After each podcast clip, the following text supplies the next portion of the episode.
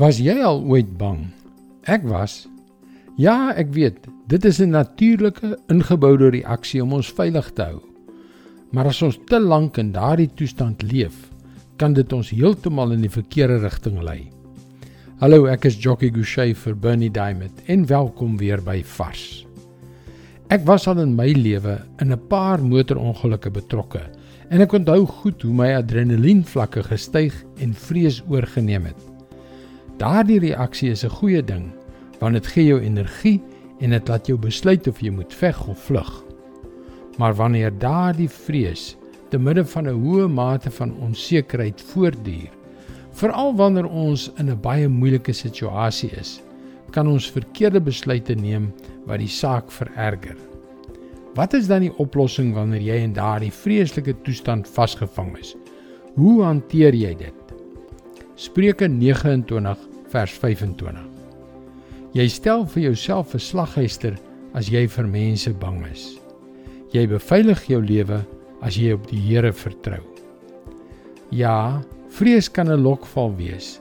Dit kan rampspoedig wees as ons reageer op dit wat in ons lewens aangaan. Maar as jy op die Here vertrou, sal jy veilig wees.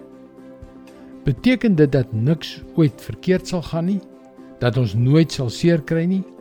Dat ons nooit iets sal verloor nie, dat ons nie sal sterf nie, natuurlik nie.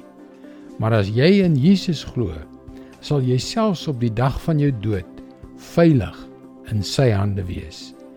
En die enigste oplossing wat ek ken, is om daardie vers vir myself toe te eien. Ek ervaar te midde van daardie ontstellende situasies die vrede van God wanneer ek my Bybel oopmaak en die Heilige Gees toelaat om God se beloftes op my hart te skryf en om hom te vra vir sy vrede wat alle verstand te bowe gaan. En God het my selfs te midde van die vreeslikste tye van my lewe nog nooit ooit in die steek gelaat nie. Dit is sy woord vars vir jou vandag.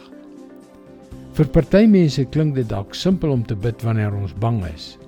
Maar die enigste soort gebed waarvan die Bybel ons leer is die soort wat kragtige resultate het.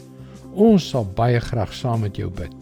Gaan gerus na powerfulprayer.org om jou gebedsversoek te deel. Mooi loop. Tot môre.